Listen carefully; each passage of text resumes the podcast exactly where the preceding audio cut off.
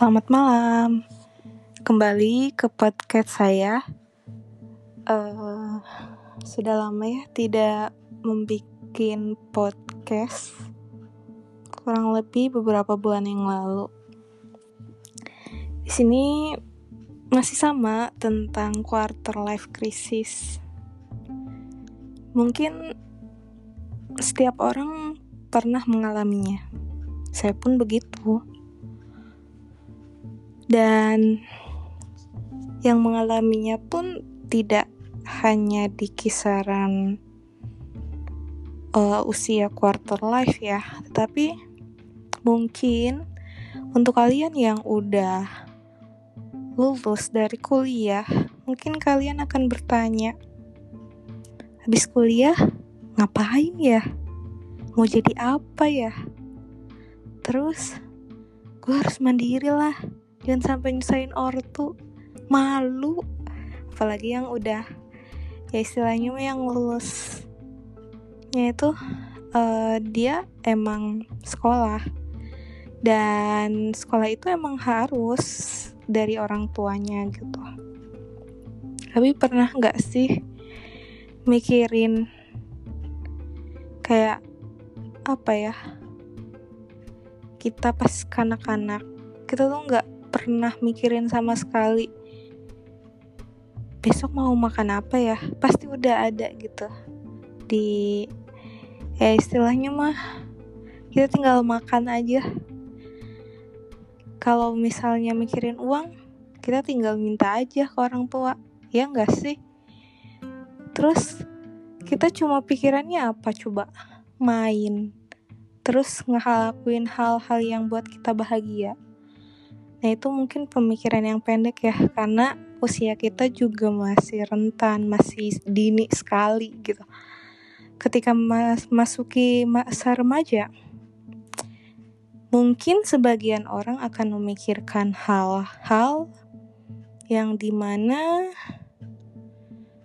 dia me, sudah apa ya istilahnya mas sudah memiliki rasa suka kepada lawan jenis tapi berbeda dengan saya. Saya orangnya tidak seperti itu karena ketika Mas masuki masa remaja saya harus kerja maksudnya saya harus uh, berbuat baik nih buat sesama terus uh, saya juga gimana ya uh, istilahnya mah apa ya uh, saya waktu waktu uh, duduk di bangku SD itu yang ada di pikiran saya tuh hanya main saja gitu. Tidak berpikir ah nggak usah belajar nggak penting gitu. Maksudnya buat apa sih? Yang penting kan main buat kita bahagia. Jujur waktu itu kayak gitu banget. Sampai temen tuh kebanyakan cowok. Kenapa nggak cewek? Karena uh, apa ya? Uh, yang yang pernah saya lakuin itu ketika main sama cewek waktu SD apa ya? Kita tuh seakan diatur gitu. Misalnya kayak gini. Kita main masak-masakan nih. Udah main masak-masakannya. Kata dia tuh ih kamu harus jadi pembelinya ya. Aku yang jadi ininya yang jadi kokinya. Oh oke okay, kata aku. Terus kata dia tuh kamu aja yang jadi kokinya aku nggak mau jadi pembelinya. Oke okay, kata aku tuh. Tapi apa ya istilahnya mah gitu-gitu aja gitu mainnya nggak seru. Dan uh, mainnya tuh stuck aja di tempat gitu.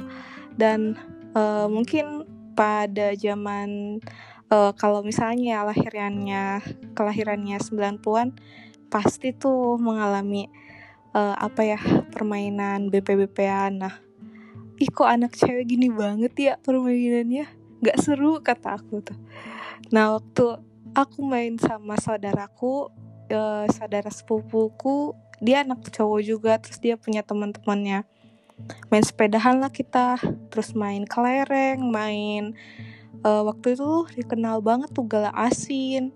Terus main uh, yang lainnya yang kayaknya tuh seru banget petak umpet dan yang lainnya. Ih kok seru banget sih main sama mereka. Jadi aku tuh lupa waktu seakan-akan belajar tuh nggak penting gitu. Tapi pas kelas 6 SD tuh uh, aku kan harus dipaksa ya. Mau nggak mau aku harus belajar gitu. Kenapa harus belajar? Karena kalau nggak naik aku malu. Bukan nggak naik sih kalau nggak lulus aku malu. Malu seumur hidup lah. Masa? Dan terlebih lagi ada adik adik dari orang tuaku tuh jadi guru di situ. Malu banget kalau nggak lulus kata aku tuh. Ya udahlah paksain belajar aja kata aku. Itu asli main juga cuman siang maksudnya cuman setelah pulang sekolah aja kan pulang sekolah langsung ngaji gitu. Uh, apa ya main tuh nggak ada sama sekali waktu kelas 6 SD tuh. Seakan-akan dunia tuh hampa banget tanpa main dan itu aku mulai sadar sih kenapa aku harus belajar ditambah lagi. Sebelum itu pas ya intinya aku belajar banget dah. Waktu itu tuh kan mau uh, kelulusan ceritanya. Tapi uh, sebelum ujian hamin hamin sepakan sebelum ujian tuh aku sakit. Sakit DBD nah di situ tuh aku tuh kata kata orang tua aku tuh aku nggak bisa bangun sama sekali. Karena aku tuh uh, apa ya istilahnya terlambat gitu ke rumah sakit. Karena pas awal kan ya aku namanya anak anak kecil ya. Ya ketika dia dipaksain belajar tapi dia pe tetap pengen main gitu. Uh, waktu itu tuh aku uh, bandelnya aku waktu dulu aku inilah bilang aku mau belajar di temen. Emang niat belajar bener. Tapi abis belajar tuh langsung main. Nah waktu itu tuh aku main ke rumah teman dan ternyata di rumah temen tuh ada kayak genangan air gitu kan. Genangan air itu memacu apa ya istilahnya mah memacu uh, ya buat istilahnya mah nyamuk tuh uh, pasti ada di situ gitu.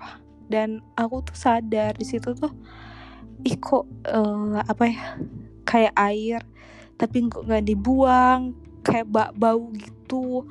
Tapi tuh aku nggak maksudnya nggak sadar akan hal penyakit DBD itu. Nah waktu itu tuh aku uh, di karena ya istilahnya di rumah uh, apa ya karena aku tinggal di rumah nenek jadi nenek aku tuh nggak tahu kirain tuh penyakit biasa aja. Jadi aku cuman dibawa ke puskesmas uh, abis itu nggak ada perubahan sama sekali tetap panas. Ya panas dingin kayak gitulah. Uh, tetap panas dan aku tuh dibawa ke dokter tetap juga. Karena ibuku itu ngerti kesehatan uh, telepon lah nenek aku ke ibu aku. Terus ibu aku langsung kan ke rumah nenek aku dan aku tuh harus dibawa ke rumah sakit segera. Kenapa? Karena kata ibu aku tuh itu tanda-tanda DBD katanya. Lah kata aku tuh. Uh, aku tuh sama sekali nggak sadar di situ malah aku mimpi. Mimpi apa? Mimpi ketemu Presiden Soekarno gitu. Ya ampun itu mah kayak apa ya? Karena mungkin banyak belajar ya karena dipaksa belajar. Jadi apa ya? Yang aku baca tuh ke mimpi semua gitu. Entahlah aku nggak ngerti. Ditambah di situ tuh aku tuh nggak nggak sadar sama sekali posisinya. Uh, muka aku udah pucat nggak nggak bangun sama sekali di situ.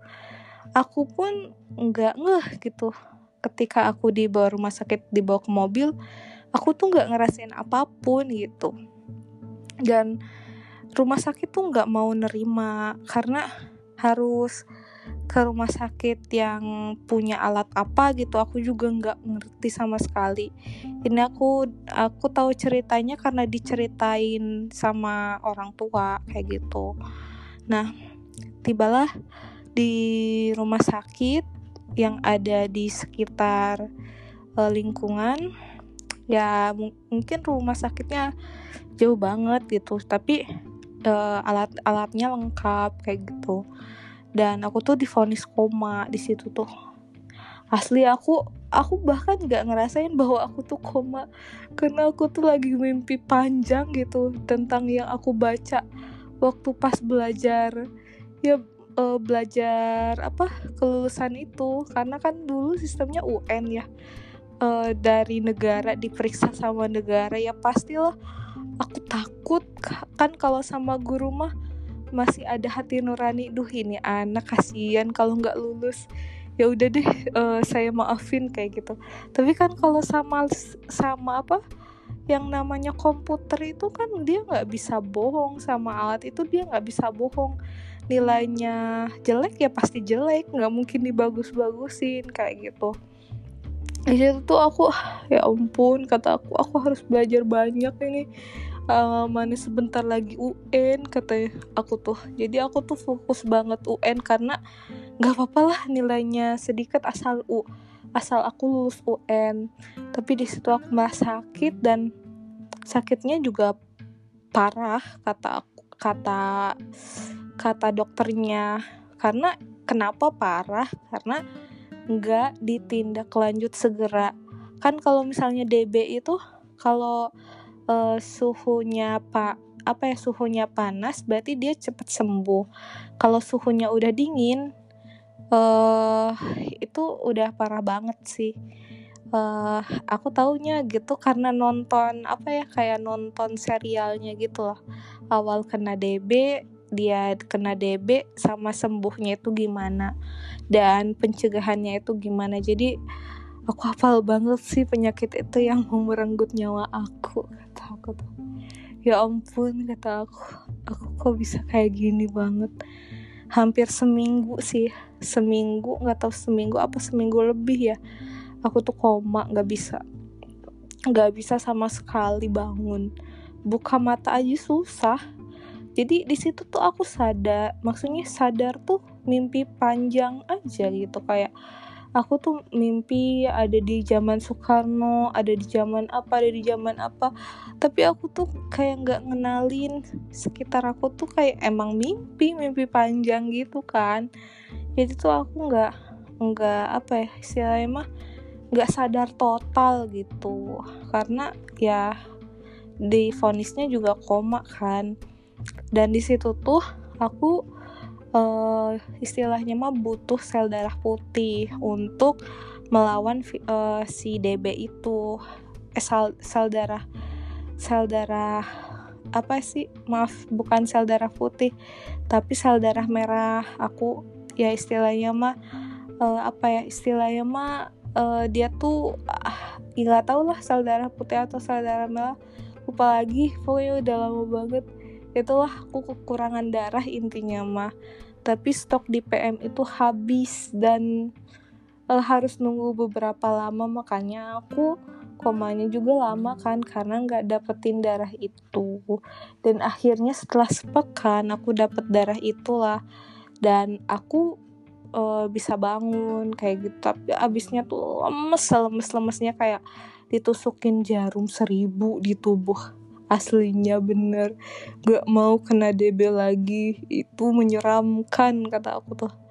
Dan di situ uh, kata dokternya itu aku harus minum jus jambu katanya. Jus jambu itu buat ya intinya mah buat sembuh dari DB itu. Aku juga nggak ngerti sih karena aku emang bukan apa ya uh, istilahnya mah uh, nggak paham juga tentang kayak gitu gitu.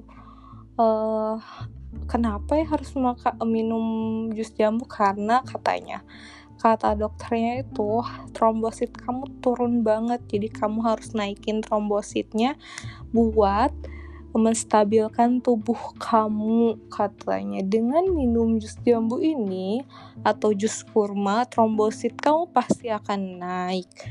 Oke kata aku tuh ke dokternya dan aku selalu diperiksa uh, istilahnya mah uh, tangan jari-jari aku tuh selalu diperiksa sama susternya itu buat cek darah lah entah apa.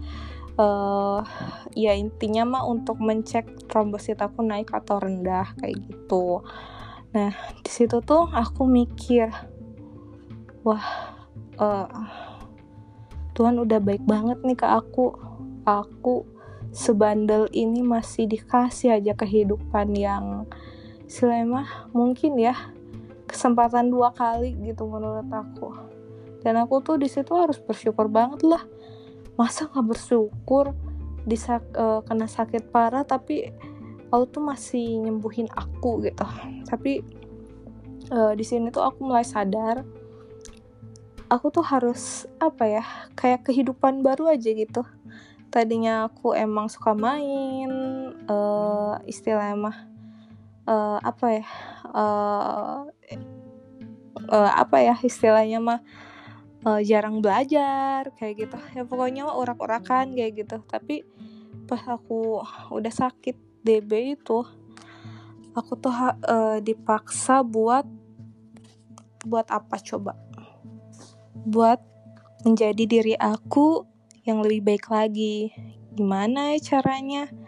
Mulailah di SMP nah di SMP aku pindah kan sama orang tua aku karena uh, mereka nggak mau lagi kehilangan aku mungkin ya untuk kedua kalinya karena emang di situ sakit parah banget. Nah aku di SMP tuh hmm, apa ya istilahnya mah ini loh kehidupan baru aku aku tinggal sama orang tua terus aku uh, sekolah di sini. Aku harus uh, apa ya istilahnya aku harus melakukan yang terbaik kata aku.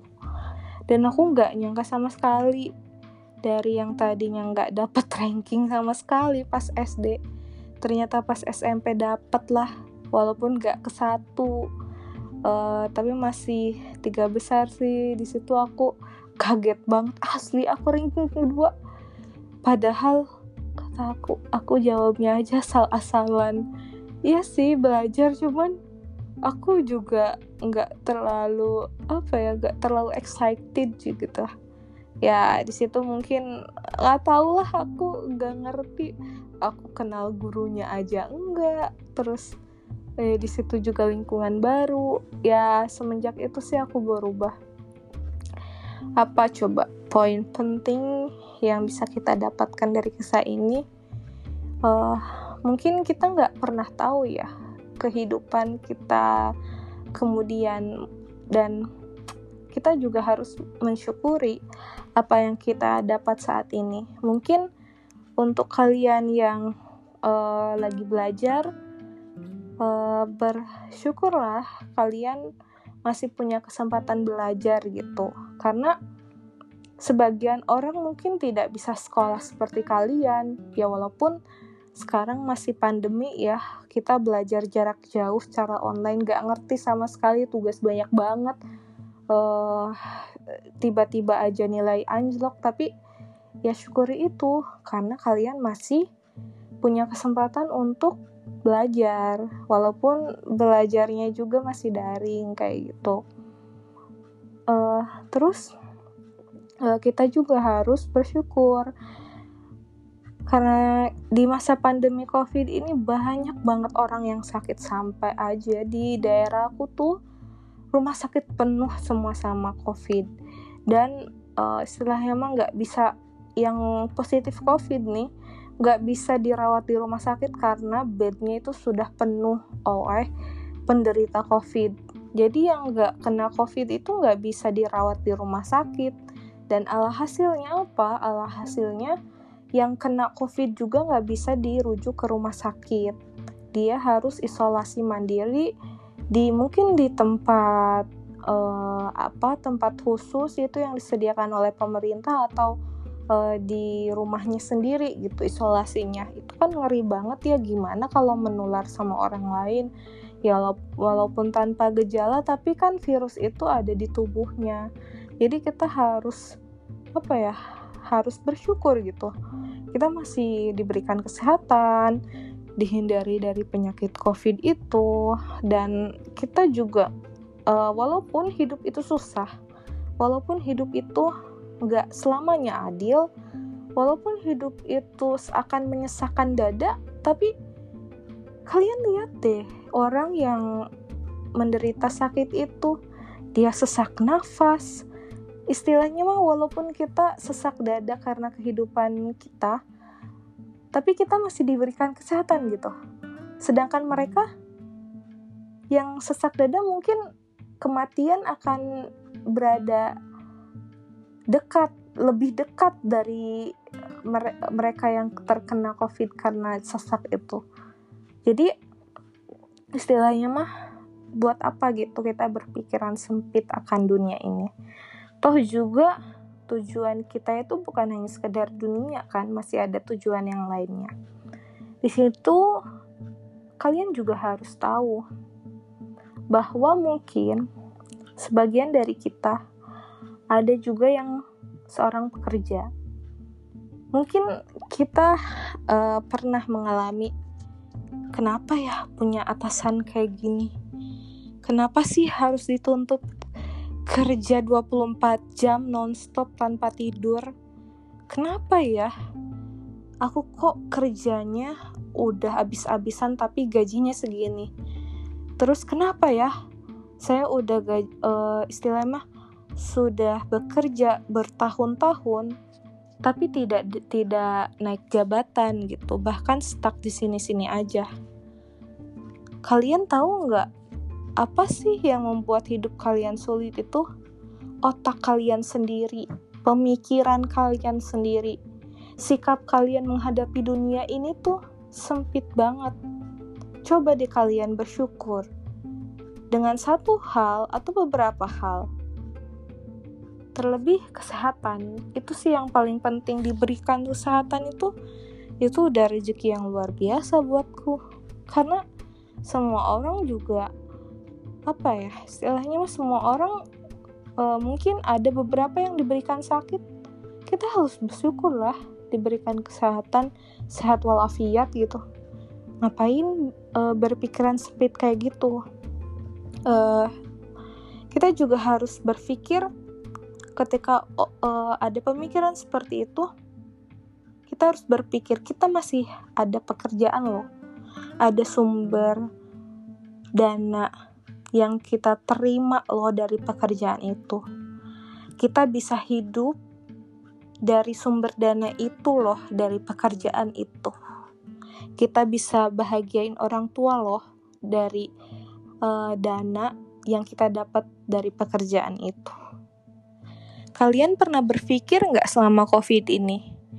Banyak orang yang di PHK, banyak orang yang kehilangan pekerjaannya, bahkan banyak uh, perusahaan-perusahaan yang menutup perusahaannya karena rugi berte berterus-terus gitu tanpa celah apa pun itu kalian harus bersyukur sebenarnya sebenarnya covid ini tuh bukan teguran sih.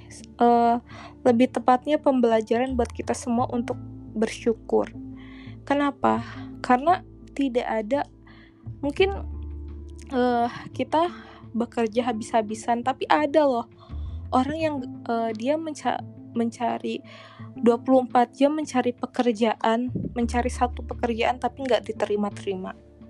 Ada loh orang yang misalnya be bekerja berparuh waktu tapi penghasilannya tidak memenuhi kebutuhan hidupnya sehari. Cobalah berpikir itu. Kita masih bersyukur diberikan pekerjaan kita masih bersyukur terima gaji kita harus bersyukur untuk bisa menafkahi orang tua kita atau menafkahi orang-orang terdekat kita. Bersyukurlah.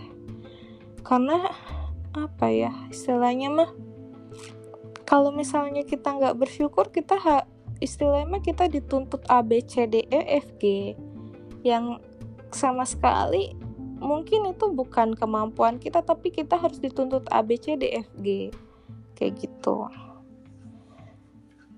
Kemudian apa mungkin di quarter life ini kita melihat sering melihat uh, sosial media apalagi yang usianya sudah apa ya istilahnya mau memasuki quarter life gitu. Mungkin uh, ada yang udah lulus kuliah tapi kita masih menyusun uh, apa ya tugas akhir kayak gitu. Mungkin ada yang uh, udah nikah tapi kita masih di sini-sini aja. Terus ada yang udah punya anak tapi kita masih di sini-sini aja. Bahkan uh, pertanyaan itu pun sering muncul di keluarga. Kapan sih nikahnya? Kapan sih punya anaknya? Kapan sih ini ini ini ini, ini. ah itu mah membuat saya kesal juga kata aku tuh apa ya? Maksudnya kok orang tuh uh, ember bocor war-war banget sih? Maksudnya dia nanya itu tapi uh, udah tahu jawabannya kenapa harus nanya gitu. Kadang aku tuh kesel banget kalau ada pertanyaan seperti itu sampai aku tuh nggak mau jawab pertanyaan seperti itu. Karena aku juga nggak tahu kapan kata aku tuh. Mungkin kita ditanya kapan lulus. Eh lu kapan lulus kata gue sabar sabar. Gue lagi nyusun. Uh, ini kan ini kan bukan kemauan saya stuck di sini aja tapi kan ada arahan sini situ syarat ini itu terus hal-hal yang kita mungkin nggak tahu gitu ke depannya apa. Dan kita juga mungkin bisa memprediksikan tapi takut salah kata aku tuh kayak gitu. Makanya kalau misalnya aku ditanyain kapan lulus udah deh. Ke pertanyaan lain aja jangan ini atau doain aja ya semoga secepatnya. Gitu paling solusinya. Dan mungkin uh, apa ya keluarga juga pada nanya kapan nikah? Ya ampun kata aku tuh ini gue masih umur segini loh. Masa ditanya kapan nikah aku tuh. Dan aku juga nggak tahu jawabannya. Karena aku juga apa ya istilahnya karena aku cewek masa aku harus nentuin target harus kapan-kapannya? Ya intinya mah yang namanya cewek pasti nunggu kan ya. Nggak mungkin aku nyosor begitu aja lah emang aku cewek apaan? Kata aku tuh. Ya intinya mah semua butuh proses. Kata aku dijawab doain aja secepatnya. Ya kan e, doa orang kan mana tahu ya diijabah atau enggaknya. Tapi kan kalau kita jawabnya dengan kayak gitu nggak ada orang yang sakit hati kata gitu. Daripada gue jawabnya kayak gini pikirin aja lo hidup lo udah mikirin lu juga kapan nikahnya? Kayak gitu kan nggak boleh ya. Walaupun ingin berkata kasar tapi kan nggak boleh ya. Karena itu keluarga kita. Makanya aku tuh paling nggak suka perkumpulan keluarga karena bukan lebih ke nanyain kabar sih tapi mereka kepo akan kehidupan kita. Yang menurut kita itu privasi kita yang harus dijaga. Dan mereka tuh pengen tahu. Kalau misalnya udah tahu ya udah kayak gitu. Dan mungkin kalau misalnya uh, kita ngasih tahu tapi mereka ngasih solusi ya so far so good. Tapi kalau misalnya uh, apalagi kalau misalnya kita udah dikasih tahu tapi mereka harus menuntut ABCD ih itu membuat aku pusing tujuh keliling. Apalagi kalau misalnya ditanya apa ya uh, gaji lu berapa? Uh, lu kerja di mana? Emang situ emang situ udah mapan. Emang situ ya intinya gitulah. Maksudnya ngaca lah ngaca. Jangan nanyain orang lain. Lu aja hidupnya kayak gimana? Kayak gitu. Asli kalau misalnya kumpul keluarga pasti aku di kamar. Dan aku tuh ketakutan takut ditanyain tiga hal itu. Sumpah ya aku tuh nggak mau ditanyain ketiga hal itu karena menurutku itu privasi aku. Bahkan orang tua aku pun istilahnya mah uh, apa ya uh, itu tuh membuat uh, down gitu. Karena aku juga nggak tahu jawabannya kapan kata aku dan uh, harus apa kayak gitu ya semuanya butuh proses semuanya juga harus uh, istilahnya mah uh, apa ya tidak instan gitu. Dan semua juga butuh perjuangan kayak gitu. Dan mungkin kalau mentalnya itu nggak sekuat baja ya ditanya itu terus ngeliat sosial media itu tuh akan seakan-akan membuat hidupnya tuh nggak berarti karena aku juga merasa ada di fase itu sih sebenarnya.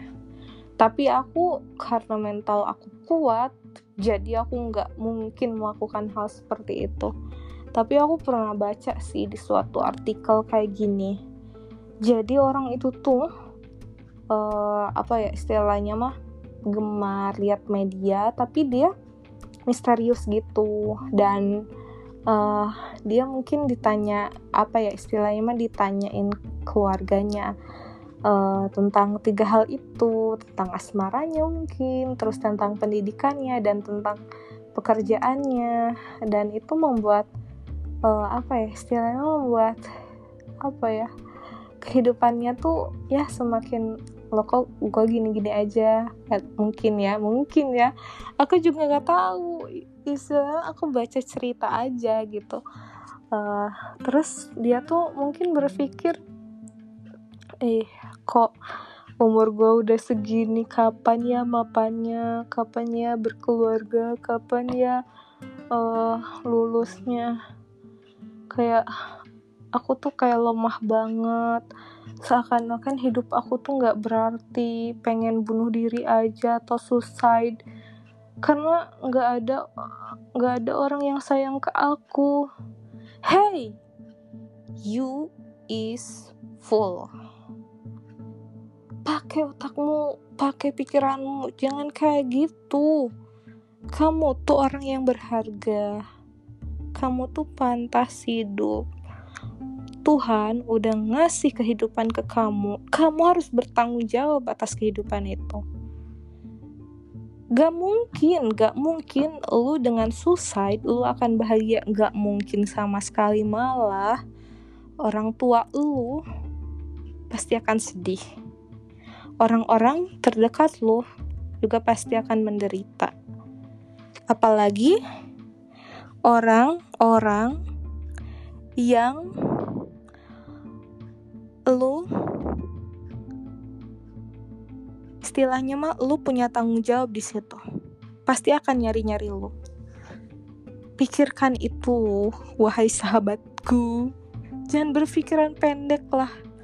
Masa dengan hal itu lu mau suicide ah. Hidup itu singkat makanya. Tuhan udah ngasih kehidupan ke kamu, kamu harus bertanggung jawab atas kehidupan itu jangan sampai kamu mengakhiri hidup ini cuman gara-gara itu. Think so far so good. Badai pasti berlalu. Lu nggak mungkin kayak gini-gini aja. Kehidupan itu bagai roda berputar. Mungkin lu sekarang ada di titik terendah lu. Lama kelamaan lu juga akan naik di titik tertinggi lu. Mungkin itu tergantung pemikiran kita ya. Kita menganggap itu harus ABCD mungkin itu standar orang lain. Tapi jadilah versi terbaik dari diri kamu. Jangan mengikuti orang lain. Jangan boleh mengikuti tren tapi jangan berlebihan. Boleh mengikuti style tapi jangan berlebihan. Ingat posisi kamu. Ingat kemampuan kamu dan ingat juga, kamu harus bersyukur karena punya kehidupan yang mungkin orang-orang yang sudah mati ingin hidup kembali, tapi tidak punya kesempatan itu. Bahkan orang sak yang menderita sakit parah pun ingin sehat, kamu sudah diberikan kesehatan. Sehat itu mahal loh. Bahkan orang yang punya penyakit mohon maaf yang punya penyakit kanker atau punya penyakit apa yang harus cuci darah selama uh, termin waktu sekian sekian itu menghabiskan banyak uang loh. Kamu udah bisa bernafas aja udah dikasih kesehatan gak punya penyakit apa pun itu udah uh, apa ya istilahnya mah udah rezeki buatmu. Dan percayalah semua orang itu punya rezekinya masing-masing gak mungkin tertukar. Jika pun tertukar nggak mungkin salah ngasih kayak gitu. Nggak mungkin. Karena itu udah ditetapin. Itu sih yang mau aku sharingkan ke kalian semua tentang quarter life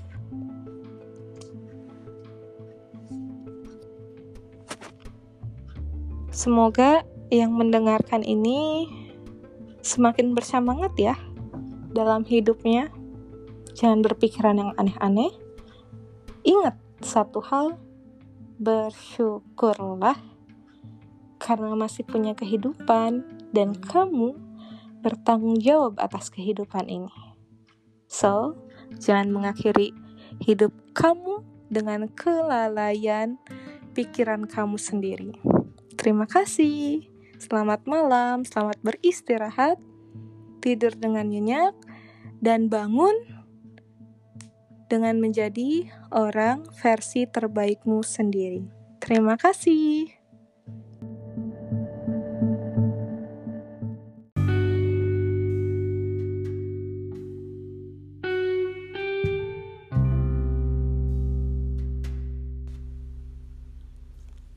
Oke, selamat malam. Balik lagi ke podcast yang memang menceritakan tentang kehidupan. Yeah we are sharing about anything and maybe I will sharing about um, tentang kebaikan seorang sih. Oke okay, let's go let's get it. Di sini aku mau sharingin tentang bagaimana sih caranya biar kita itu punya semangat tinggi untuk mencapai sesuatu. Justru kadang ya, kalau misalnya kita itu cenderung memikirkan sesuatu ketika misal ketika kita kecil, ah, aku pengen beli Kinder Joy misal. Berarti Kinder Joy kan waktu dulu ya dulu banget karena aku kelahiran 97-an gitu ya. Kinder Joy itu ma beneran bahal kalau kata aku. Karena aku bukan anak sultan guys. Oke okay, let's go. Nah di sini aku kan memang sehari-harinya juga bekalnya ya cenderung tidak sebesar anak sultan gitu. Jadi ya aku harus nabung dong waktu kecil waktu itu. Gimana nih caranya biar nabung buat dapetin Kinder Joy? Harga Kinder Joy XXXX berarti aku harus nyisihin uang XXX setiap harinya. Oke berarti aku harus nabung sekian buat dapetin Kinder Joy dalam waktu sekian. Itu kan kayak udah terplanning gitu ya. Kita punya target nih si Kinder Joy itu target kita yang mau kita beli. Tapi masalahnya problemnya itu kita nggak ada uang. Jadi strateginya ya dengan cara menabung. Itu contoh simpelnya sih kalau kita konsisten dan rutin nabung berarti kita dapetin Kinder Joy dong. Kalau misalnya kita nggak konsisten dan dan nggak nabung sama sekali berarti aku nggak akan dapet Kinder Joy. Es kalau misalnya dapet Kinder Joy juga mungkin dikasih sama orang lain gitu lewat cara Tuhan gitu. Nah di sini uh, aku mau sharing sih tentang pengalaman yang pernah aku alamin sendiri dan memang hal itu terasa banget. Contohnya itu contoh kecil ya waktu masih kecil. Uh, contoh lainnya juga yang pernah aku rasain ketika aku inget banget tuh waktu itu aku memang pengen kuliah lagi gitu. Tapi di satu sisi aku tuh nggak ada duit buat hal itu. Terus juga skill aku juga ya gini-gini aja gitu. Mana untuk masuk univ itu dibutuhkan effort yang besar dari mulai persyaratannya dan juga hal-hal lainnya. Dan itu nggak mudah menurut aku harus butuh persiapan yang memang benar-benar matang dan di sisi lain misal uh, waktu itu tuh um, persyaratannya itu memang banyak ya terutama dalam segi skill penambah lainnya yang memang harus dites ulang gitu. Dan tesnya itu nggak mak maksudnya nggak murah gitu bagi aku ya. Dan waktu itu juga aku mikirnya karena aku kerja gitu abis abis lulus kuliah dulu kerja ya pengennya nyari duit dulu gitu biar biar bisa ngasih ke orang tua lah minimal ya.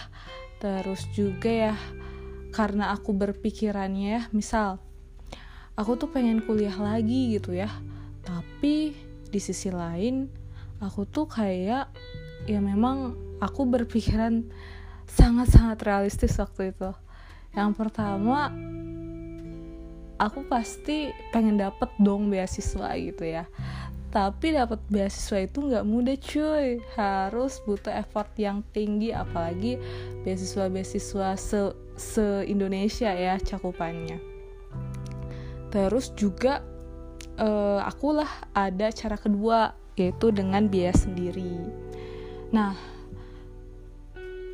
kalau misalnya cara yang ketiga dibiayai perusahaan kayaknya nggak mungkin deh. Soalnya aku waktu itu memang masih masih pegawai baru waktu itu walaupun ada programnya.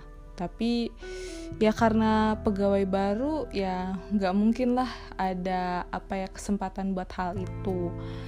Jadi aku pilih cara yang kedua dengan ya istilah aku realistis lah ya. Kalau beasiswa kemungkinan besar aku ya istilahnya masih 50-50 gitu ya keterima atau enggaknya gitu ya. Kalau misalnya uh, yang kedua jalur mandiri kan pasti gitu ya dapat ya. Walaupun aku harus uh, ngelewatin dulu apa namanya tuh um, ujian dari universitasnya kayak gitu ya. Jadi aku pilihlah cara yang kedua dengan biaya sendiri tentunya aku juga kalau kuliah lagi pasti harus izin orang tua dong nggak mungkin nggak izin. Nah ibu aku tuh ngizinin aku buat kuliah lagi tapi syaratnya dengan uang aku sendiri. Soalnya beliau emang nggak mampu gitu untuk ngebiayain aku untuk S2 karena aku juga punya adik kan ibu aku pasti mikirin adik aku dulu sebelum aku karena aku kan udah dikuliah dikuliahin sebelumnya gitu. Walaupun pas S1 dulu juga aku uh, apa ya istilahnya mah ya aku juga prihatin lah namanya uh, ibu gitu ya. Aku juga nggak mau ngeberatin ibu aku gitu buat bayar-bayar yang memang bisa aku sendiri yang bayar gitu. Ya walaupun aku harus kerja sampingan dan yang lainnya gitu ya. Istilahnya mah ingin meringankan beban orang tua aku pada saat itu. Uh, kemudian aku udah sepakat nih sama mama aku untuk aku decision buat kuliah lagi tapi dengan uang aku sendiri. Tentunya itu nggak mudah cuy. Nggak mudah banget sih. Apalagi uang SPP-nya itu dua digit cuy. Bayangin aja baru masuk kerja ya gaji masih nggak seberapa gitu ya. Harus nabung dua digit. Itu gimana cuy caranya? Ya ada lah triknya. Aku juga di sini mau sharing sih sebenarnya buat budgetingnya gitu buat gimana sih kamu bisa nabung dua digit dalam waktu uh, satu tahun. Aku sebenarnya uh, pengen kematin dulu masa-masa kerja aku satu tahun gitu. Nah kemudian uh, di tahun berikutnya aku pengen uh, apa ya istilahnya nabung gitu buat um, kuliah S2 aku gitu sendiri. Nah ya namanya juga nabung ya. Ya ya se ya gimana ya? Maksudnya kita juga harus nahan diri buat namanya self reward ataupun apa ya istilahnya buat kesenangan kita sendiri gitu ya. Aku makanya satu tahun full itu ya aku nikmatin lah uh, penghasilan aku sendiri ya memang buat orang tua aku sama buat diri aku sendiri. Tapi di satu tahun berikutnya aku harus nabung lah buat S2 aku gitu.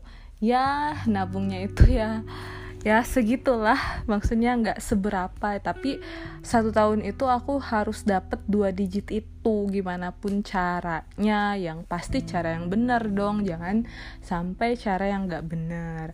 Nah pada saat itu juga di satu tahun beri uh, di satu tahun itu juga aku belajar uh, TOEFL. Karena standar TOEFL di UNIF itu tuh memang lumayan gitu. Jadi aku harus ngejar juga kan. Jadi aku uh, pagi sampai sorenya kerja kemudian sore ke malamnya ha malam banget sih hampir tengah malam itu aku les. Pada saat itu belum corona sih. Jadi uh, aku pergi ke tempat lesnya sehabis pulang kerja kayak gitu. Dan badan pasti remuk lah.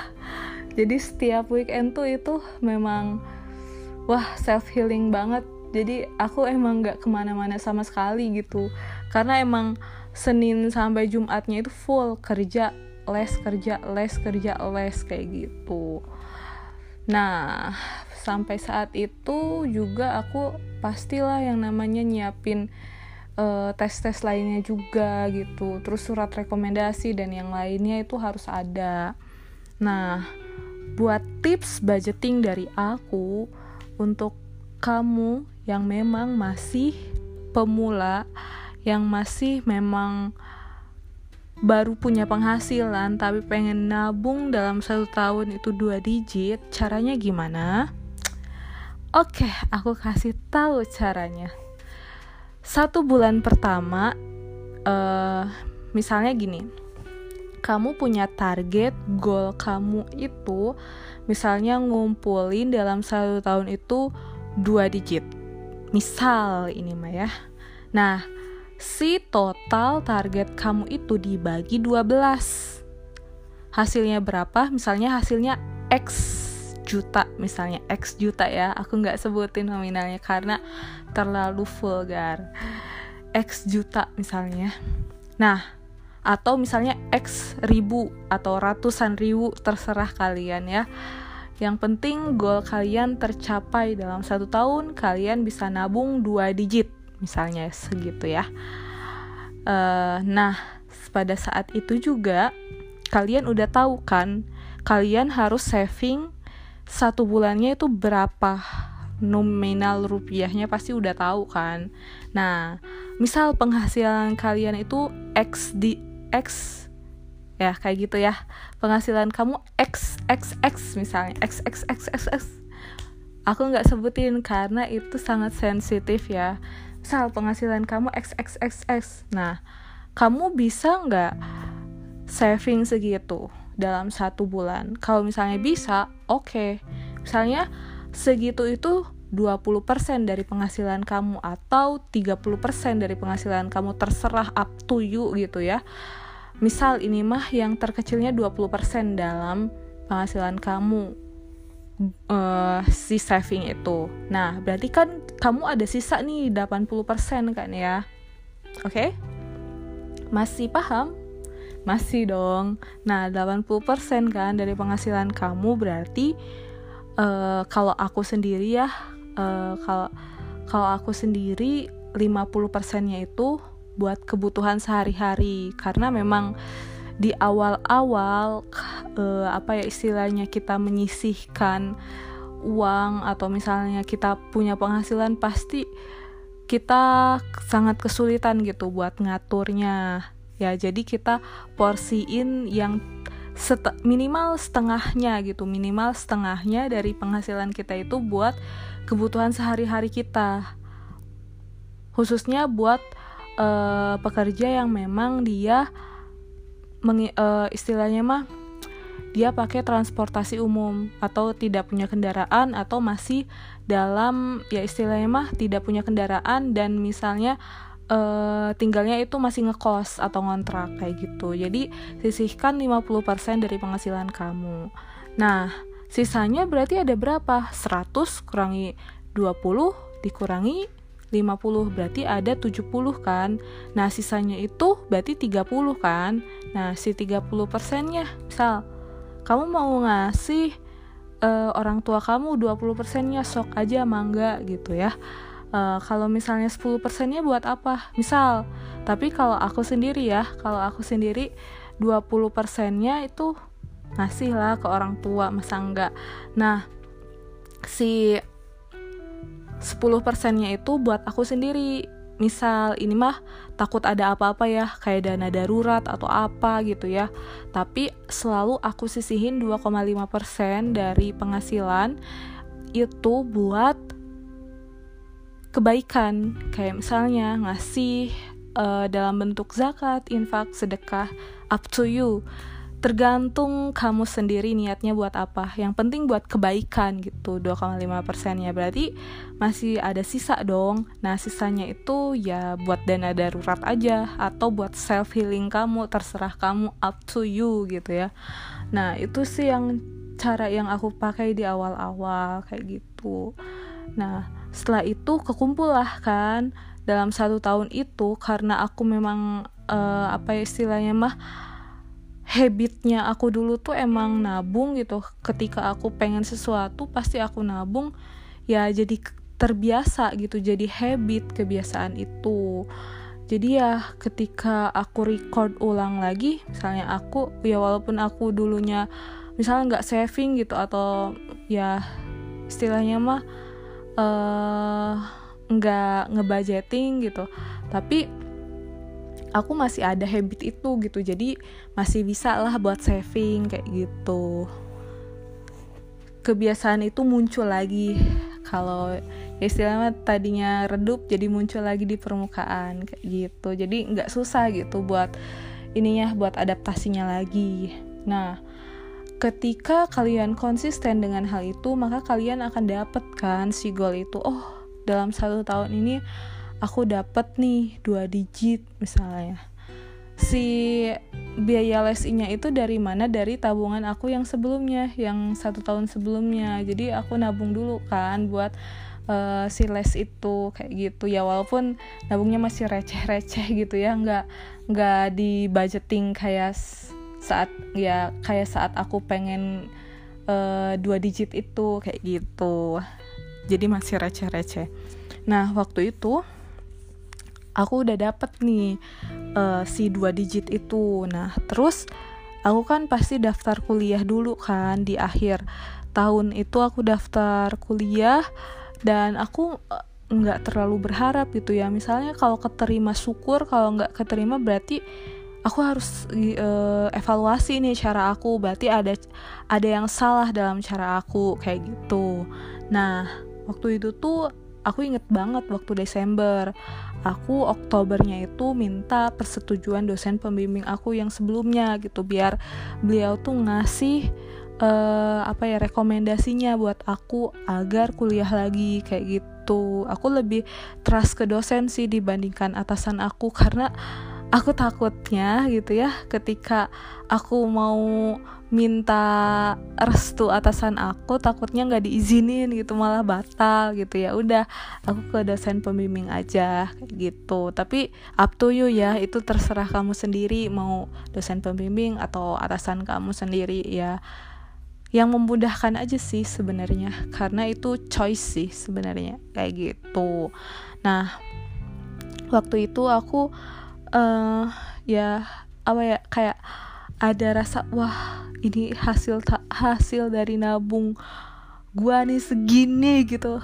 Wah itu itu kebahagiaan yang super super banget sih bagi aku. Jadi wah ternyata nyari uang tuh nggak su ya istilahnya mah nyari uang tuh susah loh. Berarti ini tuh hasil jerih payah aku sendiri ya aku ketika orang lain hedon hedon ketika orang lain makan makan di resto ya aku harus nahan diri aku gitu buat melakukan seperti itu. Jadi aku lebih memilih untuk makan di rumah atau misalnya masak sendiri dan yang lainnya kayak gitu.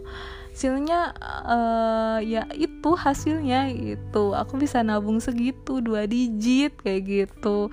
Dan itu buat kebutuhan aku sendiri yang aku pengen banget kayak gitu. Nah, kalian juga pasti bisa kok coba. Kalau misalnya kalian ingin beli apa gitu, ya di plotting aja kalian mau nabungnya dalam jangka waktu berapa tahun. Kalian pasti bisa kok karena ini trik yang memang dulu aku belum tahu yang namanya investasi. Jadi aku masih dalam bentuk ya istilahnya trik kuno gitu. Tapi kalau sekarang karena udah banyak investasi ya minimal 10 ribu atau juga ada investasi apa pun itu yang yang jelas investasinya itu harus dilindungi OJK ya platformnya. Nah aku ngerekomendasiin kalian juga sih buat investasi aja. Karena aku dulu aku dulu masih belum trust gitu tapi sekarang udah trust karena aku juga pernah melakukan penjualan di investasi itu dan ternyata masuk ke rekening aku kayak gitu. Jadi aku lebih merekomendasikan kalian nabungnya di uh, investasi gitu. Uh, misalnya lebih ke berinvestasi dibandingkan ke nabung. Karena apa? Karena nilai tabungan itu kalau misalnya kalian ya istilahnya mah ada bagi hasil. Kalau aku memang di lebih ke bagi hasil ya bukan bunga. Jadi ya aku pilihnya yang aman-aman aja gitu buat agama aku gitu. Jadi aku pilihnya yang ada bagi hasilnya aja gitu. Uh, non bunga lah ya istilahnya mah. Nah uh, ya istilahnya mah kalian nabung segitu bagi hasilnya itu dikit banget gitu. Nggak uh, kalau misalnya kalian nabung di platform yang misalnya ten, uh, reksadana atau ap, lebih aku lebih prefer ke reksadana sih dibandingkan yang lain karena itu aman banget. Ataupun kalian mau nabung emas juga boleh gitu sangat diperbolehkan. Karena apa? Emas itu safety banget sih kata aku. Jadi kalian misalnya beli emas nih satu gram di tahun ini harganya XX misalnya di tahun selanjutnya itu harganya bisa naik loh. Naiknya bahkan bisa 50% pernah itu naik 50% emas itu. Jadi ya nilai emas itu istilahnya mah bisa berkurang bisa naik tapi kalian harus cari-cari kesempatan buat bisa jual pas harganya naik gitu. Tapi kalau misalnya reksadana pasar uang itu cenderung naik terus sih tapi ya hampir sama kayak jatuhnya hampir sama kayak tabungan sih. Kalau kalian di deposito juga nggak apa-apa gitu. Ya suka-suka kalian aja gitu buat nabung di mana aja. Tapi ingat kalau deposito itu dalam jangka waktu sekian kalian nggak bisa ambil gitu karena emang udah ada jangka waktunya kan. Dan itu harus plug gitu nominalnya sekian. Tapi kalau aku prefernya lebih ke nabung reksadana sih. Karena itu aman dan bisa dicairin. Tapi pencairannya hmm, cenderung relatif tujuh harian kayak gitu. Aku soalnya pernah ngerasain sendiri dan oh ternyata iya ya. Ya pernah sih ngalamin rugi tapi juga pernah juga ngalamin lagi laba juga gitu ya. Kalian pinter-pinter cari kesempatan aja. Belinya dia ketika harganya naik kayak gitu. Gitu sih. Tapi waktu dulu karena aku belum trust banget gitu ya ke aplikasi tersebut jadi aku pilihnya dengan cara yang memang masih masih dasar ya nabung kayak gitu. Jadi aku cuman dapat bagi hasilnya aja kayak gitu. Nah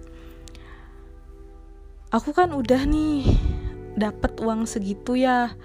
Jadi aku daftar dong ke univ itu. Tapi kalian juga harus nyiapin uang pendaftarannya ya. Yaitu masih masih terkendali lah ya ada lah ya di di tabungan sebelumnya gitu ya. Masih receh-receh gitu ya. Nggak nggak dua digit banget gitu. Enggak gitu ya kalian bisa lah itu mah kayak gitu. Nah habis itu um, aku kan tes ya tesnya di nah ya di situlah di bla bla bla. Uh, nah tesnya di situ aku ketemu teman baru ya sama satu gender juga sih. Uh, beliau tuh emang sangat baik gitu uh, terus juga ya frekuensi sama aku gitu. Jadi ya kita ngobrol bareng terus juga anehnya lagi langsung nyambung gitu kalau ngobrol tuh. Terus yang tadinya aku sendirian ya pas uh, berangkat jadi ada temen gitu. Jadi pulangnya dianterin gitu. Nggak tahu kenapa ya kalau misalnya aku itu memang aku tuh orangnya introvert introvert kepada orang yang memang tidak sefrekuensi sama aku gitu. Tapi kalau misalnya ke orang yang emang sefrekuensi sama aku aku open minded kok. Jadi uh, lebih apa ya lebih terbuka ke orang-orang yang emang sefrekuensi sama aku kayak gitu. Dan aku orangnya cepet akrab kok kalau misalnya orang itu ngobrolnya enak nyambung terus juga ya istilahnya mah ya saling bertukar pikiran aja gitu. Asal kitanya harus tahu oh orang ini teh emang beneran nyambung loh sama kita. Dan emang orang ini teh membawa pengaruh baik ke kita kayak gitu sih. Uh, aku persyaratannya itu sih buat sefrekuensi sama aku orangnya nyambung sama orangnya itu ya emang ada impact baiknya ke aku. Aku juga bisa ngasih impact baik ke dia kayak gitu. Jadi lebih ke kita orangnya harus open minded gitu. Kalau misalnya orangnya emang tertutup ya aku juga nggak mungkin lah langsung langsung akrab banget gitu sama orang itu. Dianya juga memisahkan diri ya istilahnya mah ya dianya juga menanam tembok gitu dalam dirinya. Aku juga kalau mau masuk takutnya gimana gimana gitu. Ya aku lebih fleksibel aja sih orangnya. Kalau misalnya dia mau dekat sama aku ya oke okay, fine gitu. Aku bakalan istilahnya mah open minded gitu sama orang itu gitu. Tapi kalau misalnya orang itu mau jauh sama aku ya. Aku bahkan bisa lebih jauh dari orang itu kayak gitu. Nah aku kan emang suka sih kalau temenan tapi kalau misalnya punya orang yang dipercaya aku emang sangat-sangat sulit karena adalah pengalaman yang memang tidak bisa aku ceritakan di sini yang membuat aku susah percaya ke orang kayak gitu. Jadi ketika aku percaya sama orang itu tuh emang aku tuh emang udah dalam level-level deket banget sama orang itu. Ya kayak keluarga sendiri kayak gitu. Dan emang udah bertahun-tahun kan deketnya jadi tau lah kebiasaan buruknya kebiasaan ininya apanya apanya gitu. Aku lebih cenderung percaya ke keluarga uh, sendiri sih gitu dibandingkan ke orang lain. Nah oke? okay jadi melenceng nih. Lanjutkan ya. Oke. Okay. nah pada saat itu memang aku bayar sendiri ya pakai uang aku sendiri dan uh, aku ngumpulin itu dari jerih payah aku sendiri. Uh, tibalah saatnya pengumuman. Jeng jeng jeng jeng.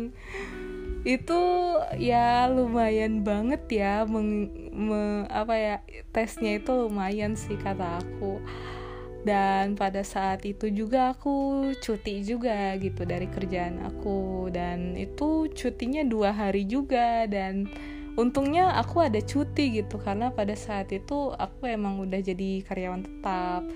Nah pada saat itu uh, aku ini kan ngebuka apa yang namanya pengumumannya tepat banget di masjid unifnya. Aku nggak sebutin unifnya ya karena uh, itu privasi aku sendiri kayak gitu. Nah waktu itu aku di masjidnya aku berdoa ya uh, ya semoga kalau misalnya aku keterima ya pasti aku sangat bahagia banget dong ya keterima uh, di keinginan aku banget gitu ya. Nah kalau misalnya aku nggak keterima juga nggak apa-apa kok. Aku bisa belajar lagi gitu. Berarti aku belajarnya kurang kemarin kalau misalnya aku nggak keterima. Gitu kan? Gitu aja sih prinsip aku mah. Kalau misalnya aku ya istilahnya mah target aku tercapai ya aku akan sangat bersyukur banget gitu. Kalau misalnya target aku belum tercapai berarti oke okay, aku harus belajar lagi. Berarti ada yang salah nih dalam pembelajaran aku sebelumnya kayak gitu.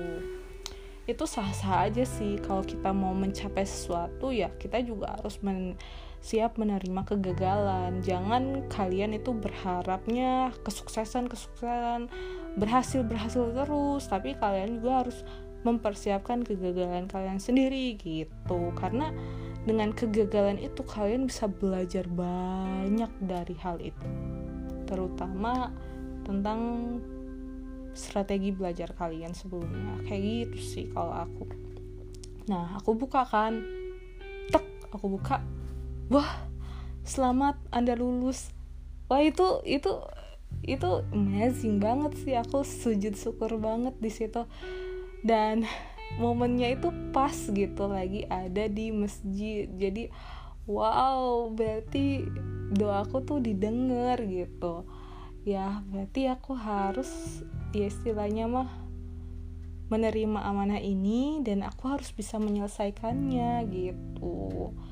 Dan tibalah aku di semester 1 waktu itu tuh ya aku coba iseng-iseng aja ya. Daftar beasiswa ongoing kayak gitu. Dan itu lumayan banget persyaratannya. Aku harus ke dosen ke dosen uh, pembimbing aku waktu dulu. Wah itu beliau berjasa banget sih bagi hidup aku.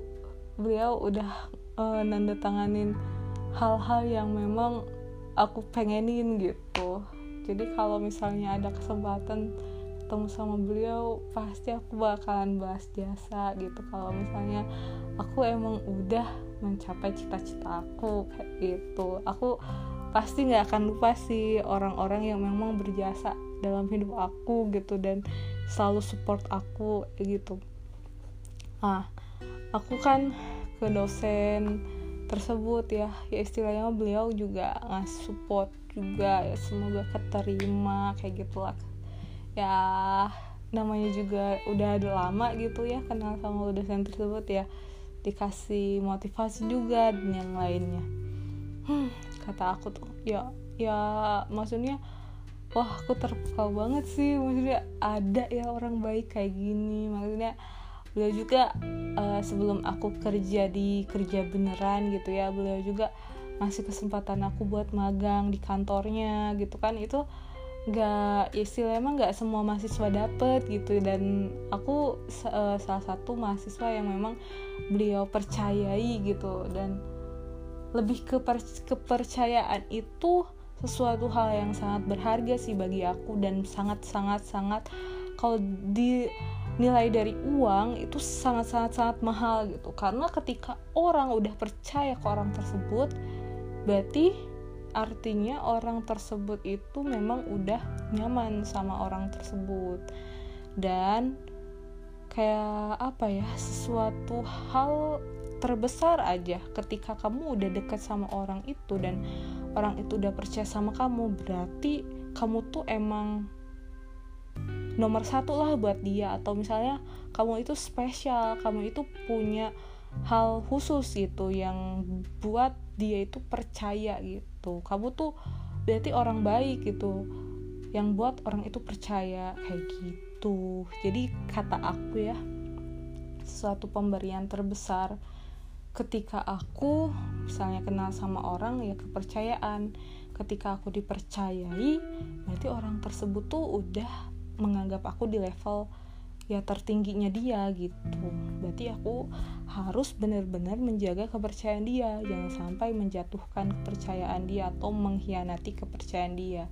Jadi prinsip aku ya namanya kepercayaan ya aku nggak mau gitu ya istilahnya mah mengkhianati kepercayaan tersebut dan istilah mah aku harus benar-benar jaga kepercayaan itu dan nggak mau cuek atas kepercayaan itu. Karena emang itu amanah gitu dari orang tersebut. Itu sih makna kepercayaan dari aku. Dan semua orang pasti pernah gitu ya dipercaya sama orang lain. Nah kamu harus benar-benar menjaga amanah itu karena yang namanya kepercayaan ketika kita memang udah menjaga kepercayaan tersebut orang itu lebih peduli ke kita dibandingkan ketika kita acuh atau misalnya kita cheating dalam kepercayaan tersebut orang itu pasti tidak aware terhadap kita bahkan menjauhi kita. Kayak gitu sih. Itu mungkin hal yang terbesar dari orang lain yang pernah aku dapat ya kepercayaan sih. Kayak gitu. Uh, lanjut ya. Lanjut nah pada saat itu aku apply sih iseng-iseng aja sih sebenarnya karena waktu itu teman aku sih uh, ngirimin pesan lu ikut aja lah ini katanya tuh. Aku kan ya namanya aku orangnya ya istilahnya emang nggak pedean ya. Uh, banyak hal yang aku takutkan. Ya salah satunya takut gagal gitu ya dalam tes tersebut karena me memang banyak gitu pesaingnya. Ya bayangin aja dari ribuan orang gitu yang disaring cuman yang dapat itu di di ini di, di beasiswa sana tuh cuma 50 orang. Bayangin aja itu kan istilahnya mah satu banding berapa ribu gitu ya aku nggak bisa jelasin sih berapa ribunya karena itu juga salah satu privasi eh, oke oke oke oke lanjut ya. Nah waktu itu aku ya udah maksudnya uh, aku tuh waktu itu emang bener-bener dadakan nyiapinnya karena memang sesudah ujian kan ujian ya istilahnya ujian apa ya waktu kuis atau apa ya aku lupa lagi lah. Pokoknya ujian jadi aku uh, nyiapin ujian dulu baru nyiapin hal-hal yang buat persyaratan beasiswa itu. Aku nyiapin nyiapin nyiapin dan sampai nggak tidur seharian uh, sampai mau habis waktunya. Aduh itu ngakak banget parah aku kan nggak tahu ya di situ tuh harus ada portofolio harus ada uh, motivation letter harus ada UP aduh aku itu ahli dadakan dan bikinnya satu hari dan gak tidur. Bayangin aja itu gimana rasanya? Dan uh, satu lagi sih waktu itu aku masih di kampung nan jauh di Mato ya istilahnya mah aku lagi pulang kampung gitu dan uh, di sana tuh sinyalnya tuh gak ada sama sekali kalau di rumah aku. Tapi aku harus ke tempat yang tinggi dulu baru ada sinyalnya. Jadi aku bawa bawa laptop ke tempat yang tinggi buat submit semua itu itu bayangin bisa nggak mana laptopnya waktu itu dipinjam ibu aku kan di tempat kerjanya. Jadi aku harus ke tempat kerjanya pada waktu orang lagi libur. Dan otomatis dikunci kan. Untungnya ibu aku tahu siapa yang pemegang kunci itu. Jadi aku ya masih aman lah ya laptopnya ada gitu. Dan dan dan dan aku sampai itu harus nyari sinyal. Itu itu ini banget sih maksudnya ah itu hal yang emang gak akan pernah dilupain gitu. Aku ketika nyari sinyal ya udahlah kalau kata aku tuh gini dalam hati ya udah. Kalau misalnya ada sinyal berarti itu masih rezeki aku. Kalau misalnya gak ada sinyal oke okay, berarti aku bukan rezekinya di sini berarti aku harus nyari duit lagi. Nyari duit kak buat ngebiayain seterusnya di semester semester berikutnya. Ya sebelum itu juga aku nyari duitnya hmm, bukan dari penghasilan utama aja. Dari part time kemudian uh, dari freelance. Dari yang lainnya juga wah itu gila banget sih aku aku itu kerja satu hari sampai tiga tiga kerjaan yang aku kerjain.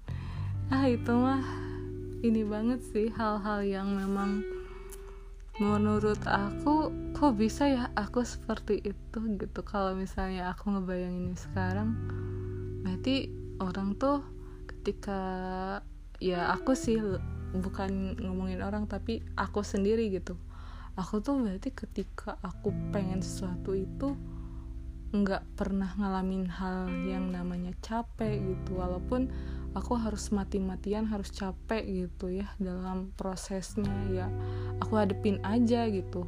Asalkan aku bisa ke target itu kayak gitu.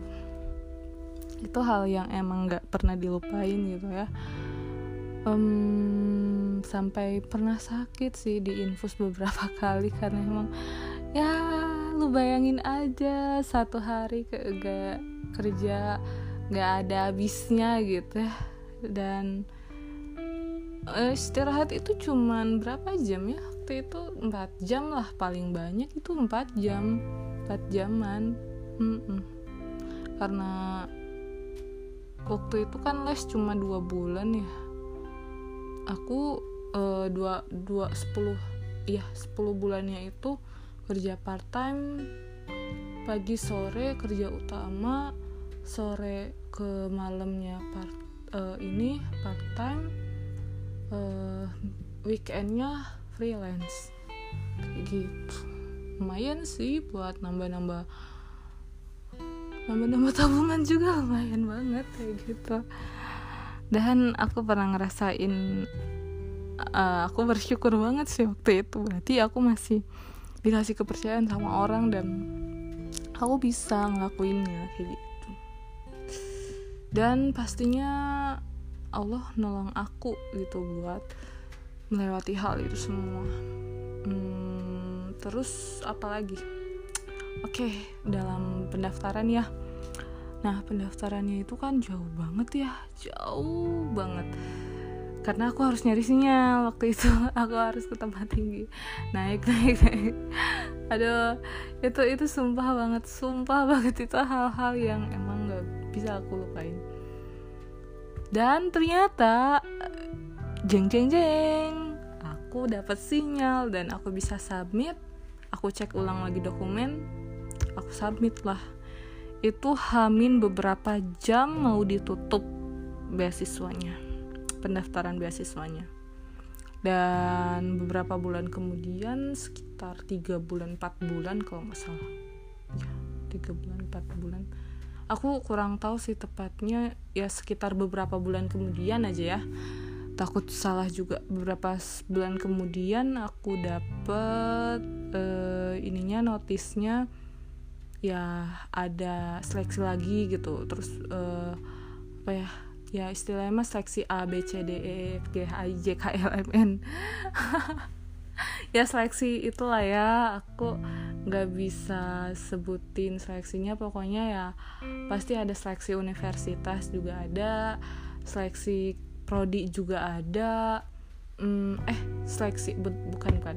Seleksi universitas seleksi fakultas seleksi prodi hmm, terakhir itu seleksi dari orang-orang sananya kayak gitu yang pihak-pihak penyelenggaranya Nah, waktu itu emang aku nggak hanya ikutan satu uh, beasiswa aja, tapi aku ikutan beasiswa yang lainnya juga. Takutnya aku memang nggak keterima di beasiswa itu. Ya aku positif thinking, eh maksudnya aku realistis aja gitu ya. Kalau misalnya aku nyebar beasiswa di satu, berarti aku ada kemungkinan besar untuk gagal dong. Tapi kalau aku misalnya nyebar beasiswa dua beasiswa misalnya ya aku bisa diketerima di salah satu beasiswa gitu istilahnya ada peluang keterimanya gitunya lebih besar gitu dibandingkan beasiswa yang lain kayak gitu nah waktu itu tuh uh, aku kan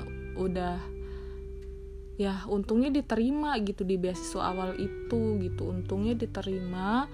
Tapi aku juga bingung diterima juga di beasiswa yang kedua tapi masih dalam proses seleksi kayak gitu. Ya aku realistis aja ya.